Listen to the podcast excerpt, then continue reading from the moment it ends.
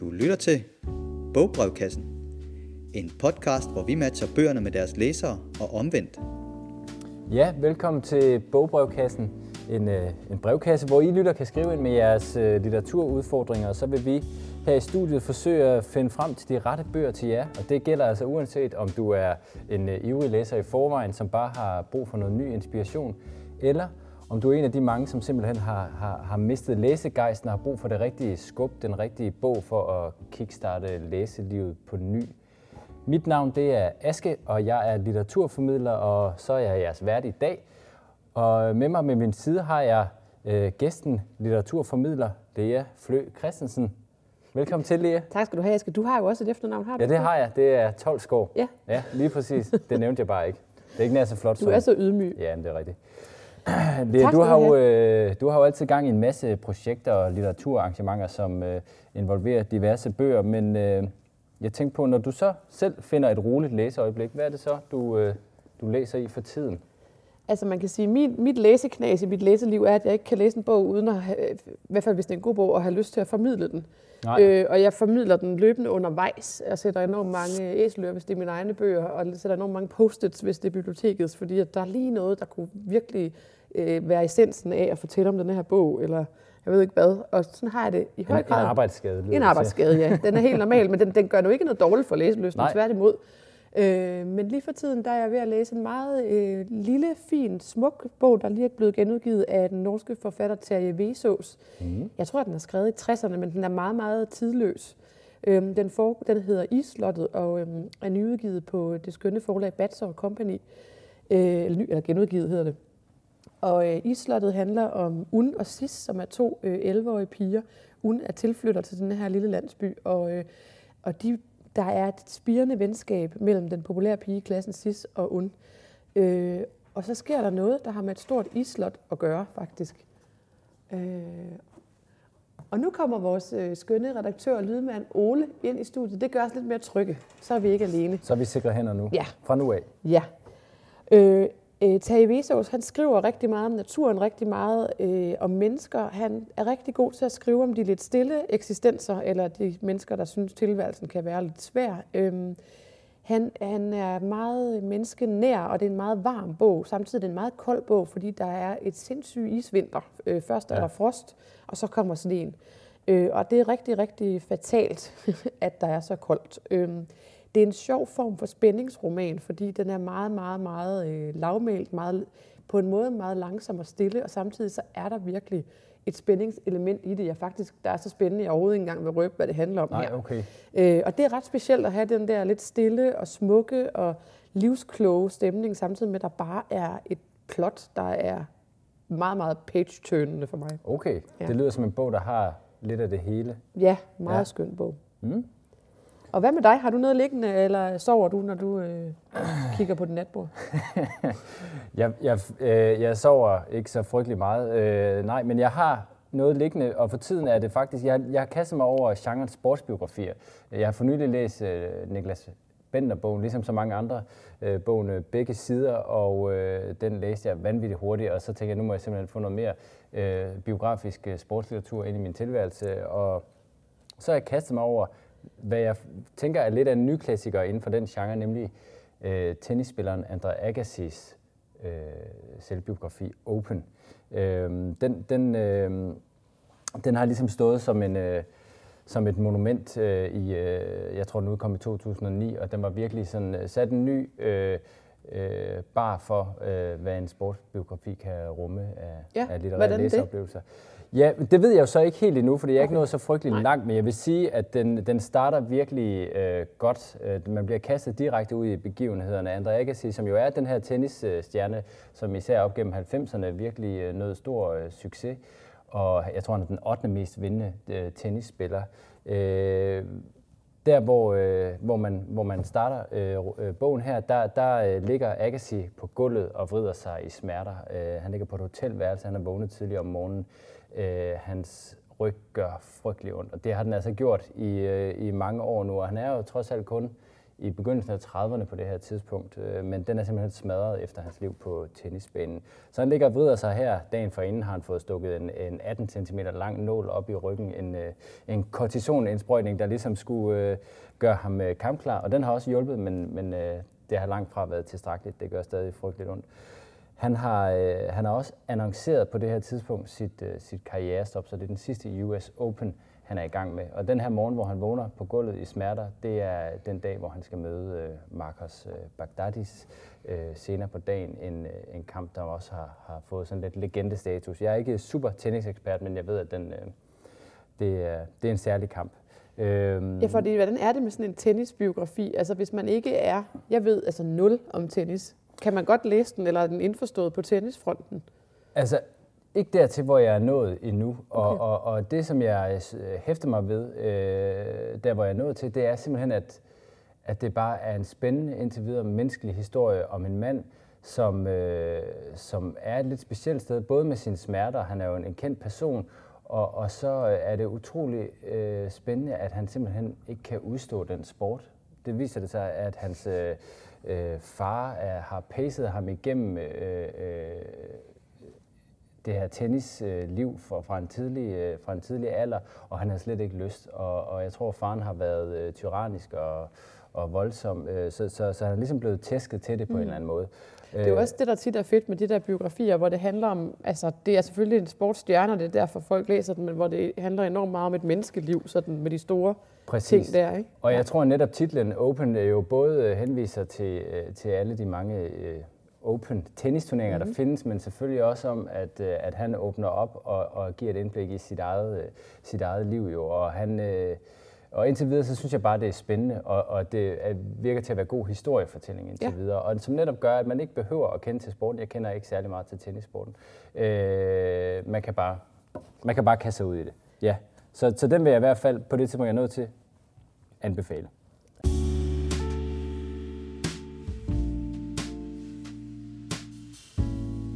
Vi har fået et, øh, et forrygende læserbrev fra en, øh, en ung mand, der står foran en, øh, en spændende rejse. Og jeg læser simpelthen bare op af det, Lea. Dejligt. Yes.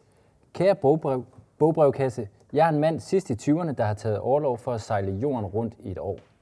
Jeg kommer til at være kaptajn på skibet med skiftende besætning, mest venner og bekendte. Jeg er et menneske, der har brug for alenetid og vil rigtig gerne have en god stak bøger med, jeg kan trække mig tilbage øh, sammen med i min kahyt. Gerne noget, der foregår på havet eller under fjerne himmelstrøg. Men det skal helst ikke være for langsomt og kedeligt. Lidt som den gamle mand og havet og Moby Dick. På forhånd tak fra kaptajnen. Altså simpelthen en, øh, en kaptajn, der står og skal stævne ud, øh, som vi har fået et læserbrev her. Det synes jeg er jo fantastisk. Og havet, Lea, er jo øh, en stor ting, også i litteraturen mildest talt, jeg, jeg faktisk, altså fordi han nævner jo både hav, for det første vil jeg sige, tænk at skulle sejle rundt et helt år. Det i sig ja. selv er, må være rigtig stort, både en stor konkret oplevelse og en stor eksistentiel oplevelse. Jeg tænker, det er øh, et af, et af hans livs eventyr, han er Det må det virkelig være. På, ja. Jeg tænker også, at han nævner jo to ting. Øh, både havet og fjerne himmelstrøg, mm. og mhm. det er faktisk altså, jo relativt forskellige slags bøger. Så jeg, jeg tænker, der er så meget hav, så jeg tror, at jeg, jeg bliver lige ved havet. Ja, det lyder fornuftigt. Ja. Og, havet, når, og når du bare tænker på havet i dag og litteratur, når du tænker de to ting op mod hinanden, øh, hvad er det så? Altså noget af det, der slår mig, er jo det der eventlige, der er med litteraturen. Det er, at havet er havet, og havet er et symbol. Ja. Og jeg tænker måske en af grundene til, at Moby Dick ikke lige var... Altså der er havet jo meget et symbol. Mm. Øh, og hvor, hvor det lyder til, at kaptajnen måske gerne vil have noget mere... Altså hav, havsligt i virkeligheden, med ja. havet som hav. hav. Ja. Øh, så det, ja, det er i hvert fald min umiddelbare. Øh, og så samtidig så tænker jeg også netop det der eksistentielle, der må være i sådan en tur, det skal vi da også lige, det skal han da lige give en chance, ikke nødvendigvis i så lang en bog som Moby Dick. Nej. Men, øhm, ja. Jamen det lyder altid. Men hvordan, vi... altså jeg ja. tænker også, at havet, øh, jeg har ikke noget overblik over havlitteraturen, men jeg forestiller mig, at havets litteratur også altså, er mange forskellige ting op igennem tiden. Altså ja, vi, vi, vi talte lidt om det, inden vi gik øh, på her. Øh, hvad, hvad for en rolle havet har spillet op gennem tiden. Øh, der er jo ingen af os, der sådan er deciderede øh, havlitteraturs eksperter, men altså øh, havet, havet er i det, et af de første sådan, øh, værker, jeg kommer til at tænke på, er, er Odysseen om, om Odysseus, der skal rejse fra Troja til øh, Ithaka. En frygtelig lang rejse, øh, og en farfuld rejse, ikke mindst. Altså det her, hvor havet simpelthen er noget farfuldt, og i antikken er det det her øh, mystiske sted, som man måske i virkeligheden helst ikke skal opholde sig. Øh, der er forhindringer både med Poseidon, havguden, og han mister også hele sin besætning osv. Øh, og, og, og jeg tænker også sådan i en, i en øh, kristen øh, sammenhæng er, er havet også noget farfuldt. Altså før, før skabelsen er, har vi det her oprindelige mørke univers, der er flydende og formløst. Altså ja. det her det formløse aspekt ved, ved havet, der gør det sådan lidt farligt og ukendt. Ja. Øhm, og man kan også sige, at... Øh, nu, det, oh, nu, det, det, var så min, telefon, det var min snakker Siri, øh, der gik i gang. Siri ville være med. Det kan være, hun ved noget om havlitteratur. Fordi det er nok derfor, hun ja. bryder ind i ja, virkeligheden. Det fordi, fordi det, jeg siger, er forkert. Ja. Måske. Men apropos øh, andre, andre ikke-mennesker, der snakker, så kom jeg faktisk lige til at tænke på en ret sød lille bog. Nu er vi inden de konkrete anbefalinger, men en helt anden vinkel på havlitteraturen er Siri Ranva Hjelm Jacobsen, som har skrevet en bog, der hedder Havbrevene, ja. hvor Atlanterhavet og Middelhavet de, øh, sender brev til hinanden og hvor Atlanterhavet jo er en utrolig meget ældre end Middelhavet. Ja. Øh, og det, den er meget sød, hvor Atlanterhavet er sådan en, en lidt godmodig, bedrevidende type, og Middelhavet lidt, lidt, men også meget sådan konkret, og Middelhavet lidt mere sådan lommefilosof. Eller sådan. Det er nogle ret søde breve, de skriver til hinanden om det der med at være, være hav. Ja. Øh, jeg kom bare lige til at tænke på. Det er jo heller ikke tit, man, øh, man oplever den synsvinkel. Nej, det er det nemlig ikke. Selvom det er en meget vi går kort op bog. i, øh, at der ikke skal være plastik derude, og øh, vi, vi kystsikrer os mod de forhøjede vandstande ja, og så ja. videre, men, men det er jo sjældent, man hører havet. stemme, og det synes jeg faktisk, det, det er en meget fin vinkel. Ja, altid. Men, øh, med, med, med, med den anbefaling allerede, skal vi så bevæge os ud i, øh, i de bøger, du har taget med til vores, øh, ja. vores læseløsende kaptajn her. Altså, jeg elsker jo at finde rette bog til rette læser, og, og det er jo også det, vi gør rigtig meget. Vi arbejder jo begge to på Lyngby Stadsbibliotek, hvor vi også øh, sidder i dag. Øh, jeg kan også nogle gange synes, når jeg ikke står med vedkommende over for mig, fordi det jeg jo tit gør, for eksempel i udlånet eller efter arrangementer og sådan noget, det er jo at spørge rigtig meget ind til, jamen hvad var, hvad, altså han nævner, at han synes Moby Dick er kedelig, så meget andet ved vi ikke. Jeg kunne så godt tænke mig at vide, om hvilken Netflix-film ser, har han set, som han synes var god, eller et eller andet andet, mm. eller hvad, hvad laver gjorde den kedelig? Ja, præcis, ja. sådan noget. Ikke? Men, men, men fordi jeg synes, havbøger er så forskellige størrelser, men derfor har jeg egentlig bare taget tre helt utroligt forskellige med. Øhm, og den første er sådan den, hvor jeg tænker, hvor jeg føler mig mest øh, sikker i forhold til, at den nok kunne være noget. Mm. Øh, og det er øh, havbogen af, ja, den hedder havbogen, det er jo også, øh, hvad kan man sige, af den, øh, den er lige på, øh, lige på titlen. Ja, den har også en undertitel, som hedder Eller kunsten at fange en kæmpe hej fra en gummibåd på et stort hav gennem fire årstider. Øhm, og det er en bog, der kom for nogle år siden øh, på Dansk Company i 2017, øhm, og det er en... Øh, en, øh, en, den, den foregår på Lofoten. Det er en norsk øh, mm. journalist, der har skrevet den, som har fundet på, at han sammen med en ven vil øh, fange den savnomsbundne grønlandshaj. En haj, der er rigtig svær at fange. Der er ikke så mange grunde til det andet, end at det vil de gerne prøve at gøre. Allerede her er vi jo ikke frygtelig langt væk fra, fra et plot, vi kender fra den bog, han nævner her, altså Moby Dick. Med, Nej, øh, men med til gengæld så er vi rigtig langt væk fra Moby Dick. Jeg synes også, øh, jeg er lidt også på den der med den kedelige side. Ja. Øh, jeg har læst Moby Dick. Det er mere pligt end lyst, og nu er jeg glad for, at jeg har læst den, fordi ja så var den jo måske nogle år efter lidt bedre, end mens jeg læste den. Sådan, sådan har jeg den nogle gange med bøger. Men, men den her var virkelig god, mens jeg læste den. Øhm, fordi Stryksnes, han er måske ikke kvæg, han, han er journalist, han er en eminent formidler. Ja. Og han formidler simpelthen havet i den her bog. Og han gør det på den her meget... Øh, moderne, der er sådan en, ved at komme en undergenre, man kan kalde natureksistentialisme, hvor man både får en masse fakta, og så får man en rigtig spændende rammefortælling med den her personlige vinkel på det, som jo er, at de sidder i den her gummibåd ud for Lofoten og prøver på at fange den her grønlandshaj, og med sig har de noget helt vildt klamt fordærvet øh, rådyr, eller, eller, som er noget, som de ligesom skal lukke. Og det lugter så klamt, og ham vennen øh, brækker sig konstant, fordi uh. det lugter så klamt. Og, altså, og, men, men de vil så gerne fange den. Øhm, og samtidig med, at de sidder der og fang, prøver at fange den, så er der en masse fortællinger i bogen om, om havets historie, om menneskets syn på havet historisk set. Der er alle mulige andre anbefalinger af andre havbøger, mm. øh, især af skønlitteraturen. Øh, og så er der en masse anekdoter omkring havmonstre, omkring øh, øh, havet som symbol, netop også, som jeg taler om. Og så er der også øh, nogle helt konkrete ting med havforurening og plastik øh, i fiskene, og øh, fisk, der er ved at blive udryddet i de og de vande, og hvorfor de er det, og temperaturændringerne og sådan noget. Man kommer simpelthen så vidt øh, Det er omkring. både det, det, det storslåede, eksistentielle, det yeah. mytiske, og så er det helt Ja, og det er også sådan en bog, jeg, jeg er sådan, når bare når jeg sidder og bladrer rundt i den, øh, så, så har jeg sådan, altså, den, han, han er ret god til at være catchy. Altså Ja. ja. han kan for eksempel lave et portræt af en mand, der har boet i det tidligere, eller i det øh, fiskerleje, som hans ven nu bor i her ved Lofoten. Øh, øh, et portræt af ham på halvanden side, som bare er spændende. Øh, altså hvor, hvor man bare egentlig er på og, og vil vide mere om ham. Okay. Øh, ja, og det er den første anbefaling. Den er hermed givet videre, altså Havbogen af Morten A. Strøksnes. Ja, og den næste anbefaling er sjovt nok også blå. Det er jo virkelig, virkelig noget af et sammenfald. øh, det er øh, det, man kan tage, kalde en all-times øh, ny klassiker. Okay. Det er nemlig øh, Richard Bach, eller Richard Bach ville han hedde, hvis han ikke var amerikaner. Jonathan Livingstone Havmoe. Jonathan Livingstone Havmoe er en meget, meget tynd lille bog på øh, nogle 90 sider, og den er skrevet i 72. Ja. Øhm, eller den udkom i 72. Han havde svært ved at få den udgivet, men da den, da den først udkom, så solgte den 1 millioner bøger i indeværende, altså i udgivelsesåret i Hold da op. 72. Det er mange bøger om en bog, øh, for en bog om en måge. Ja. Men det der jo er, det er, altså vi er over i sådan en slags, en lille prins, øh, vi er over i noget lidt lommeeksistentialistisk, øh, men en virkelig fin og sød historie. Øhm, det er, den er oversat af Henrik Nordbrandt, det fandt jeg først lige ud af i dag, da jeg, altså, da jeg sådan genfandt den, og tænkte, øh, det, det må- siger måske også noget om, hvorfor den egentlig er utrolig flot øh, sproglig, øh, Mhm. også den danske udgave her. Øh, Jonathan, eller Jonathan øh, Livingstone, altså vores hovedperson Havmåge, han er en Altså John den Livingstone er en måge. det er havmågen, Okay, ja. han er simpelthen for- og Ja, efternavn. ja. Som og, så mange andre havmåger. Præcis, ja. og han er en havmåge, men det, der er anderledes ved Jonathan, det er, at han kan rigtig godt lide at flyve. Han kan godt lide at flyve for fornøjelsens skyld. Okay. De andre havmåger, de øh, flyver øh, på grund af, at de skal flyve hen og finde noget føde. Ja. Øhm, og han prøver sådan at forklare dem, at det er faktisk ret fedt bare at flyve. Man kan simpelthen føle sig så fri. Han er en livsnyder. Ja, det er han. I hvert fald, hvad gælder øh, følelsen af frihed og fly, flyvning. Slår man op i bogen, så er Måske der lidt nogle... ligesom vores kaptajn her. Det kunne man forestille sig, ja. Slår man op i bogen, så er der rigtig mange billeder af måger, der flyver. Øh, Vi er i 72, det er sort-hvid. Det er, øh, på den måde er det også en, en, en, en altså, tidstypisk bog at bladre rundt i, men, men, men emnet at føle sig fri eller ikke føle sig fri, er rimelig, hvad skal man sige, øh, altså uden for tid. Ikke? Der står i indledningen af bogen, der står noget med, at ja, til den virkelige Jo- Jonathan Havmåge, som lever i os alle. Ja. Øh, og det gør den jo nok, og nogen sætter den fri og, las, og, la, og flyver væk og lader være og kun flyve øh, øh, praktisk, men også giver sig hen.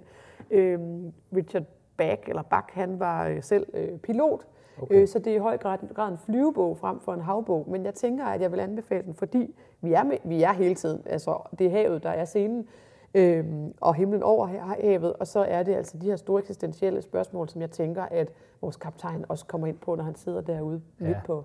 Så afgjort. Jeg har det nærmest som om, jeg kunne have mødt Jonathan Livingston øh, i 3.G, hvor jeg var til en grillfest øh, nede på Aarhus Havn.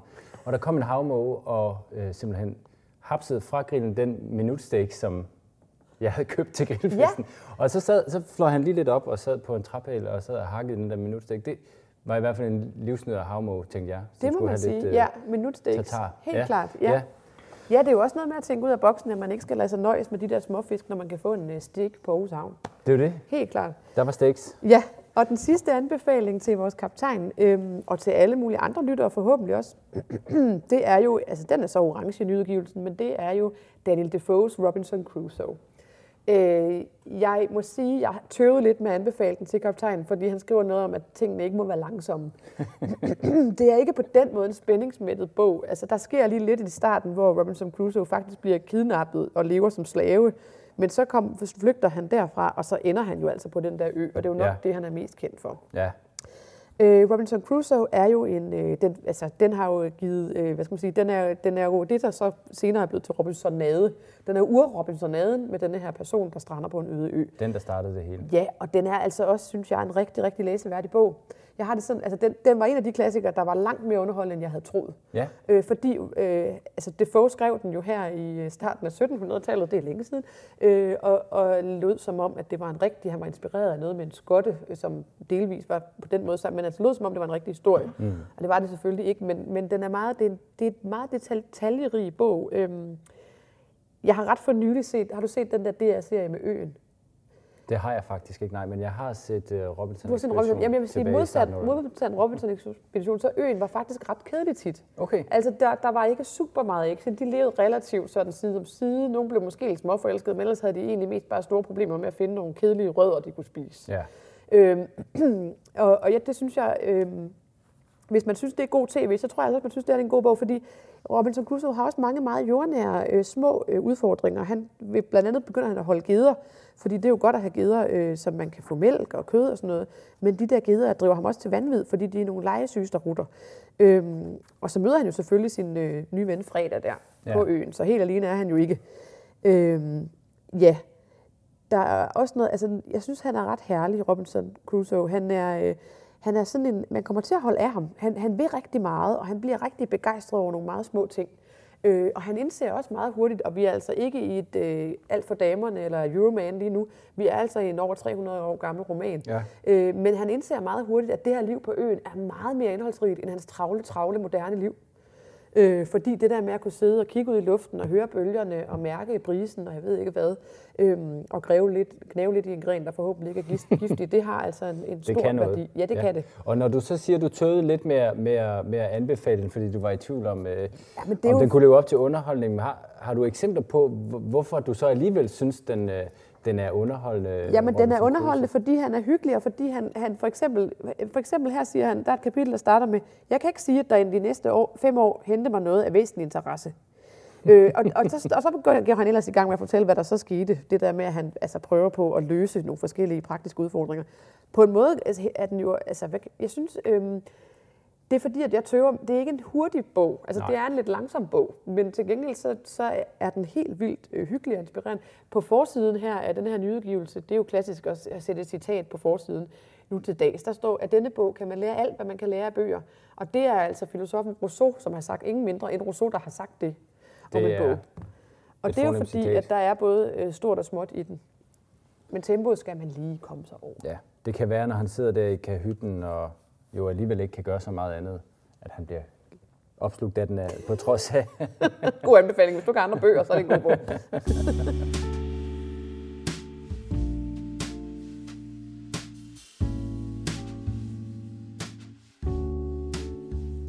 Inden vi øh, runder dagens podcast af, skal vi også lige øh, forbi de, de tre hurtige.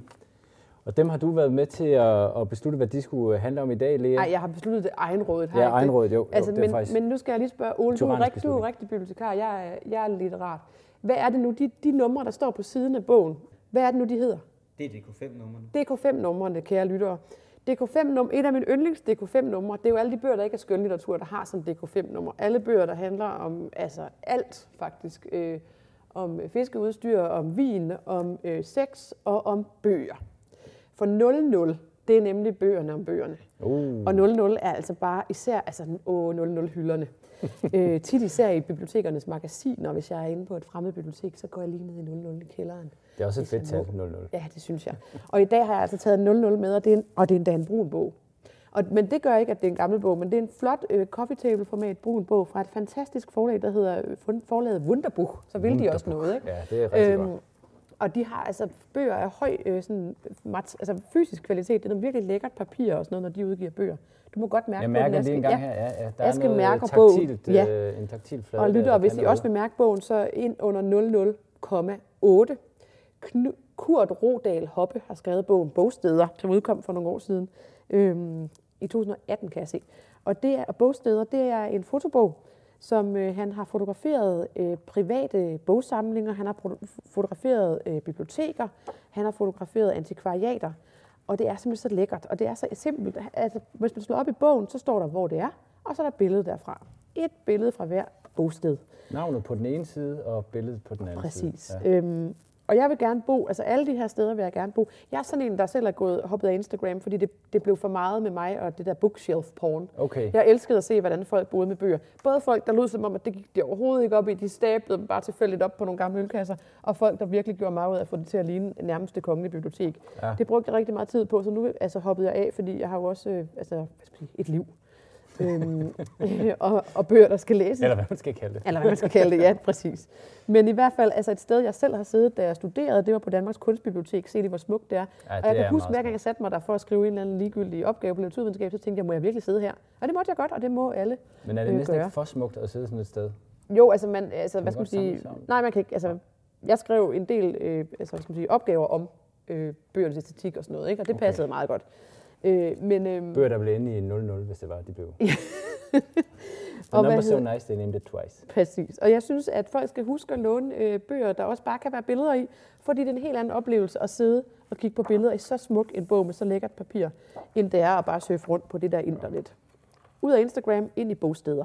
Ja, lige præcis. Det var min første, ja. Ja, rigtig god øh, anbefaling der. Jeg har taget faktisk en, øh, noget så som en børnebog, der handler om bøger øh, med. Det er ikke så tit, vi har de her metalitterære øh, refleksioner i børnebøgerne. Øh, ej, det passer faktisk ikke. Der er sikkert en del øh, titler, der har det. Men jeg har taget øh, Lone Elmstedt Bild. Jeg er jo i tvivl om det er Bild eller Bild. Men øh, hun har skrevet en bog, der hedder Hvis bare det var en drøm. Og øh, det er simpelthen en bog, der handler om bøger. Øh, den starter en øh, varm junidag i øh, sådan en lille landsby, der hedder Lykke, hvor øh, sommerferien er skudt i gang, og så øh, følger vi veninderne Olga og Vera, som er på vej hjem fra skolen. Og de taler om skæbnen, fordi Vera, hun tror nemlig på, at nogle ting er bestemt på forhånd, men det, siger Olga, det, det nægter hun at tro på, og kort efter bliver øh, Vera så kørt ned.